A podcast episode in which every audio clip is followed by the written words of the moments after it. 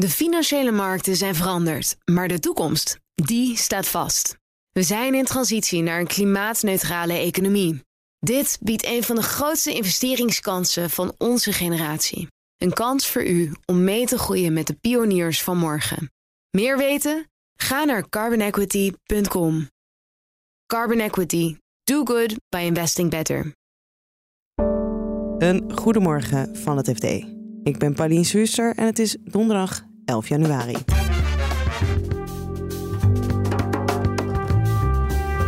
Nederlanders hebben steeds vaker een vast energiecontract. Komt in eerste instantie omdat het überhaupt weer kan. Jip en Janneke leveren nog niet zoveel geld op als Nijntje. Maar misschien als ze zich richten op het buitenland. Nou ja, dat is wel een van de ambities van de nieuwe eigenaren. Dat die illustraties van het Fiep Estendorp ook een uh, internationaal publiek kunnen trekken. Dus, dat, uh, dus er is weer een wereld te winnen. En ook verzekeraar NN trekt de portemonnee in de Woekerpolis-affaire. De belofte is nu dat de boze klanten stoppen met procederen. In ruil voor in totaal 300 miljoen aan, uh, aan compensatie voor de, die te hoge kosten. Dit is de dagkoers van het FD. Het aantal Nederlanders met een vast energiecontract is hard gestegen tot ongeveer de helft, maakte consumententoezichthouder ACM gisteren bekend. En dat schetst een heel ander beeld dan tijdens de energiecrisis, toen er bijna geen vaste contracten werden aangeboden. Verslaggever Klimaatbeleid Orna McDonald legt uit waarom dat toen zo was. Dat kwam eigenlijk omdat de prijzen gewoon torenhoog waren en er best wel een lage boete was voor consumenten die hun contract opzegden. Dus de vrees voor energiebedrijven was heel erg dat consumenten een contract zouden afsluiten die prijzen zouden zakken, die consumenten zouden opzeggen en dan hadden, zaten zij vast aan hoge inkoopvolumes met een hoge prijs. Nou, de toezichthouder ACM heeft die boete uh, sterk opgehoogd, waardoor het nu uh, moeilijker is voor consumenten om uh, over te stappen gedurende de, hun contract. en dat maakt dat energiebedrijven weer wat meer zekerheid hebben en dus nu weer vaste contracten aanbieden. En aan de andere kant zie je uh, dat consumenten toch ook wel graag uh, zekerheid willen over een vaste prijs. Dat ze willen weten wat ze volgend jaar aan energie kwijt zijn. En het is ook zo dat de ACM ook heeft geadviseerd dat als je daar veel om geeft van zekerheid, dat je dan beter nu een vast contract af kan sluiten. Want dit jaar is er geen prijsplafond meer. Dus je bent echt afhankelijk van de marktprijs. Die marktprijs is nu relatief gunstig. Uh, dus sluit een vast contract af, was het advies van de ACM. Voor de consument biedt dat dan zekerheid, maar hoe zit het voor de energiesector zelf, de bedrijven? Is dit goed nieuws dat er meer vaste contracten zijn? Ja, voor de energiebedrijven maakt het op zich niet zo heel veel uit of je een vast of een variabel contract hebt. Voor die vaste contracten kopen ze de volumes uh, van tevoren in. Maar je ziet wel hè, dat de algemene trend is toch dat er meer rust komt op die energiemarkt. En dat zie je nu dus ook weer met de toename van die vaste contracten. En dat is in zijn algeheel denk ik fijn, ook voor energiebedrijven. Dat het gewoon uh, duidelijker is, stabieler uh, dan tijdens, uh, die, tijdens het hoogtepunt van die energiecrisis. En hoe zag die verhouding er eigenlijk uit voor de energiecrisis, dus een vast en variabel? Voor de energiecrisis zag je toch dat wel iets meer mensen een vast contract hadden dan een variabel energiecontract. Al was het verschil ook niet mega groot. Dus niet uh, 90% vast en uh, 10 uh, variabel. Het lag meer zo rond de 60-40 verhouding. En is het dan ook de verwachting dat nu de trend weer iets door gaat zetten? Dat er nog weer iets meer vaste contracten aankomen? Valt er iets over te zeggen? Ja, je ziet wel. kijk, de ACM heeft nu cijfers tot 1 december. In die laatste maand van het jaar stappen best wel veel mensen nog over. Dus dat is wel een belangrijke maand om nog mee te tellen. Ik heb Pricewise vergelijkingswebsite gevraagd hoe zit dat nou in die laatste maand. En die zien dan echt dat nou, 99% van de contracten die bij hen zijn uh, via hen zijn afgesloten, uh, er eentje is met een vaste prijs. Dus ik verwacht ook wel dat die trend nog verder doorzet. Iedereen is ermee opgegroeid. De illustraties van Fiep Westdorp. En nu krijgen Jip en Janneke, Pluk van de Petflat en katten Pim en Pom een nieuwe eigenaar. Je hoort redacteur Job Wout. Fiep Westendorp was uh, een illustrator die uh, haar tekeningen inleverde bij de uitgever of bij het Parool. Dat tekende ze ook voor. Uh, erop stond dat die tekeningen ook altijd weer terugkwamen. Dat doet niet iedere illustrator, maar zij deed het wel. En in haar werkzame leven, ze is ook nog behoorlijk oud geworden, heeft ze alles bewaard op, in haar etagewoning in, in Amsterdam. Plus haar zolder. En die puilde letterlijk uit van, van de illustraties. Duizenden illustraties. En het was zelfs zo, zo dat bij de, de voorbereidingen voor een tentoonstelling in 2003, toen ze nog leefde, toen, toen rolde er opeens ook nog zakken vol met illustraties van het kattenduo Pim en Pom. die rolden zomaar uit de badkamerkastjes. 1500 eh, illustraties die ook, eh, waarvan ze eigenlijk zelf misschien niet eens meer enige benul had. En die konden ze ook weer gebruiken voor die tentoonstelling. En die worden ook nu weer gebruikt voor, voor, voor Pim en Pom extensies, om het dan maar commercieel te noemen. Hoe was dat geregeld met de rechten? Wat voor rechten hebben we het dan over? Bij wie liggen die? Ja, Fiep Westendorp is in 2004 overleden. En ze heeft al haar uh, intellectueel eigendom uh, ondergebracht in een stichting. Ze had geen kinderen, maar ze heeft een stichting opgericht. Die stichting he, heeft weer een exploitant voor deze rechten. Dat, dat, gebeurt door een aparte vennootschap. Die vennootschap was nauw gelieerd aan de stichting. Dus ook eigendom van de stichting. En sinds januari is dat eigendom van die licentiehouder is veranderd. En die deal heeft ook een uh, onbekend bedrag opgeleverd voor de stichting, die haar, daar vervolgens zijn stichtingsdoelen mee gaat uitvoeren. En wie zijn de nieuwe eigenaren? Ja, de nieuwe eigenaren zijn Dirk Haank, Paulien Loerts en nog een, eigenlijk een wat onbekendere in het geheel, Françoise Wanninghoff. De eerste twee die zijn wel degelijk bekend in de uitgeverij en Dirk Haank ook wel buiten. Uh, Haank is een, een, oud bestuurder van, topbestuurder van Rita Elsevier, het huidige Relics. En daarna van Springer, een grote wetenschappelijke uitgeverij. En is daarna een beetje gaan investeren zo her en der. En ook toezichthouder geweest bijvoorbeeld bij lange tijd bij KPN. En Pauline Loers werkt in de boekhandel voordat ze naam maakte in de uitgeverij. En die heeft een hele verzameling samen met Dirk Haank van de uitgeverij gekocht. met bekende namen als Querido, Arbeiderspers, Neigen van Ditmar en, nog een aantal andere bekenden. En gaven ze dan ook al die boeken uit waar die tekeningen in stonden?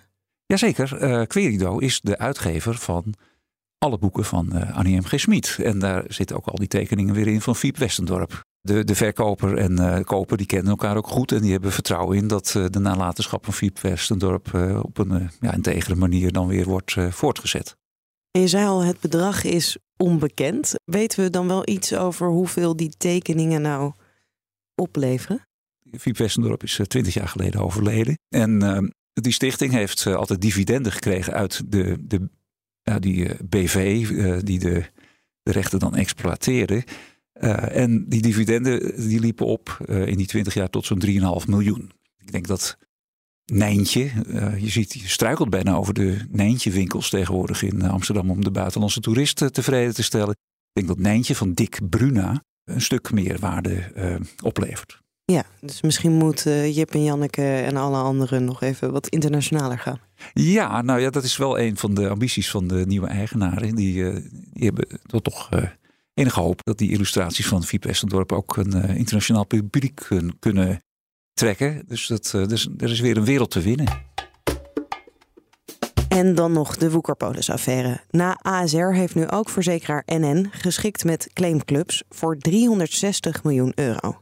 Zuidas redacteur Martijn Pols legt nog even uit wat een Woekerpolis ook alweer is. Het was in de jaren 90 en eh, begin deze eeuw super populair als vermogensopbouwproduct. Je ging dan maandelijks een bedrag betalen aan een verzekeraar en die beloofde dat voor jou te gaan beleggen. Maar dat deed hij niet voordat hij daar ook een aantal kosten voor inhield. En uh, al snel bleek dat uh, die kosten wel heel erg hoog opliepen. En daar, daar waren mensen ook niet over geïnformeerd. Dus de beleggingsverzekering, zoals dat officieel heette, die werd gebruikt voor uh, hypotheken af te lossen, of als studieplan, of als spaarpotje. Ja, die bleek een, een woekerpolis.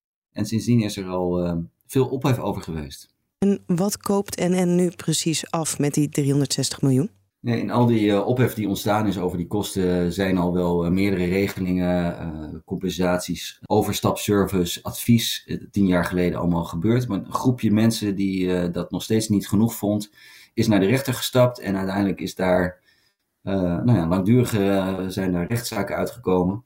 En die koopt NN nu eigenlijk af.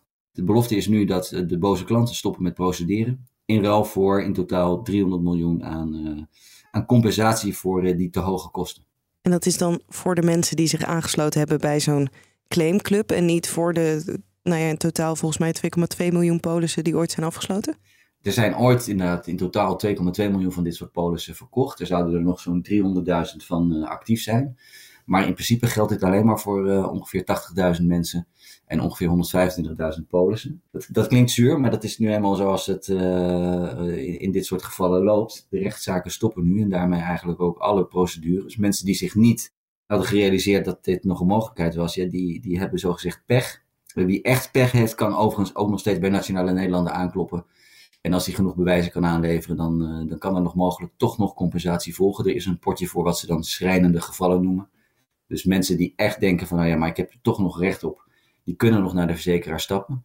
Maar in principe is, uh, is met deze schikking, als straks iedereen akkoord is, is de zaak wel echt helemaal afgesloten. ASR die schikte al eerder. Waarom duurde het dan zo lang voor NN? Nou ja, het, het is de vraag of het echt lang heeft geduurd. Het is inderdaad waar dat uh, in september kwam er een uitspraak van de rechtbank die toch wel heel positief was voor de klanten. Dat was voor ASR aanleiding om direct om tafel te gaan met die boze klanten. Want ook ASR had nog rechtszaken tegen zich lopen. Uh, en die zijn er na een paar weken uitgekomen. Ook daar is voor 250 miljoen euro extra compensatie uitgetrokken. Dat was ook het moment dat daarna NN eigenlijk zich direct heeft gemeld uh, bij dezelfde claimstichtingen om, uh, om hetzelfde gesprek aan te gaan. En dat heeft uiteindelijk vanaf eind november tot, tot nu geduurd. Ehm, dat klinkt misschien lang en tegelijkertijd is dat relatief snel. want er is ook nog, begrepen wij, tijdens kerstdagen, op oudjaar en op nieuwjaarsdag. En soms tot diep in de nacht overlegd met elkaar. dus niet zomaar iets wat zonder slag of stoot tot stand is gekomen. Ja, het was ook wel nodig, want het had wel een hevige impact op NN en op de beurskoers. Nou ja, zeker. Toen in september vorig jaar die, uh, die negatieve uitspraak van die rechter uh, kwam, uh, gingen NN en ACR tot wel 18% onderuit op de beurs. ook, ook beleggers waren eigenlijk vergeten dat dit nog een beetje boven de markt hing. De verrassing was dus heel erg groot en ook die druk van een lagere beurskoers van, van aandeelhouders die mogelijk ontevreden of onrustig worden. Beleggers houden niet van onzekerheid. En dit gaf toch wel weer meer onzekerheid. Want ja, straks zou de Hoge Raad misschien nog meer compensatie afdwingen. En toen werden er ook wel met bedragen gesmeten waarbij mensen bang waren voor uh, misschien wel een miljard of, uh, of misschien nog wel meer aan, aan, aan compensatie per verzekeraar. Ja, en dat is het moment dat er dan toch wel een, uh, een mogelijkheid ontstaat om het nou ja, relatief gunstig, het blijft een hoop geld, maar relatief gunstig toch af te kopen. En dat is dan wat er nu gebeurt. Ja, toch viel de reactie woensdag wel mee toen het nieuws naar buiten kwam. Klopt, NN uh, is niet meteen uh, tientallen procenten weer omhoog uh, gegaan. dat is nou typisch een beursreactie, denk ik ook, waarbij dit toch conform de verwachting is. Dit is de beste oplossing. Het bedrag valt niet veel hoger uit dan sommige mensen al hadden ingeschat. Misschien zelfs wel wat lager dan mensen hadden ingeschat. Ja, en dan is de reactie nog steeds wel, wel blij. Maar het is niet dat er dan een eindeloze koersstijging kan volgen, omdat er in één keer veel meer vertrouwen is in het bedrijf. Uiteindelijk zit daar ook een grens aan. Komt ook omdat zij eigenlijk meegelift hebben op het goede nieuws over ASR. Die kwamen dus eind november al met hun, met hun schikking. En op dat moment maakte ASR zijn koersval voor het overgrote deel helemaal goed. En je zag toen al wel beleggers denken van, oh, maar dat is een optie die NN ook kan kiezen. Laten we, laten we alvast een voorschot nemen. Dus toen is NN ook wel redelijk al opgekrabbeld. Dus de koersstijging van vandaag lijkt wat kleiner. Bij de start een plus van 4%. En daarmee kwamen ze op een koers uit die ongeveer lag rond het hoogste punt van vorig jaar. Dus eigenlijk is daarmee het, het totale verlies, inclusief de stap die ze dus vorig jaar al maakten, is dan wel weer goed gekomen. Ja. En hoe waren de reacties van de betrokkenen? Zijn de claimclubs tevreden? Ja, zeker. Ja, nou goed, het feit dat ze hun handtekening hebben gezet geeft natuurlijk ook al wel aan dat ze tevreden zijn. Anders hadden ze nog wel door onderhandeld. Uh, er is van beide kanten, ook vanuit de NN, uh, uh, nou ja, verheugd gereageerd op het feit dat de, dat de deal gesloten is. Dus nee, ook de claimstichtingen zijn, zijn blij dat het nu opgelost kan, kan worden. Zij, zij zijn natuurlijk ook enigszins verrast door het feit dat die mogelijkheid toch nog ontstaan is. En dat ze toch nog een paar honderd miljoen aan, aan schikkingsbedragen hebben kunnen, kunnen afspreken. Nu voor de tweede keer ook met NN. Uh, het geeft ook wel aan dat het, uh, uh, het harde werken, want dat is natuurlijk ook wel geweest, en het lang volhouden en uh, af en toe ook voor gek worden versleten, ja, dat dat toch wel waard is geweest. Want ze, want ze, ze, krijgen het toch voor elkaar om, om, om, om, boze klanten toch te helpen in hun, een deel van de schade te vergoed te krijgen. Dit was de dagkoers van het FD. Wil je onze verhalen niet alleen luisteren, maar ook lezen? Probeer dan het FD vier weken voor slechts 1 euro. Ga naar fd.nl slash dagkoers en meld je aan. Morgenochtend is er weer een nieuwe dagkoers. Voor nu een hele fijne dag en graag tot morgen. De financiële markten zijn veranderd, maar de toekomst, die staat vast. We zijn in transitie naar een klimaatneutrale economie. Dit biedt een van de grootste investeringskansen van onze generatie. Een kans voor u om mee te groeien met de pioniers van morgen. Meer weten? Ga naar carbonequity.com. Carbon Equity. Do good by investing better.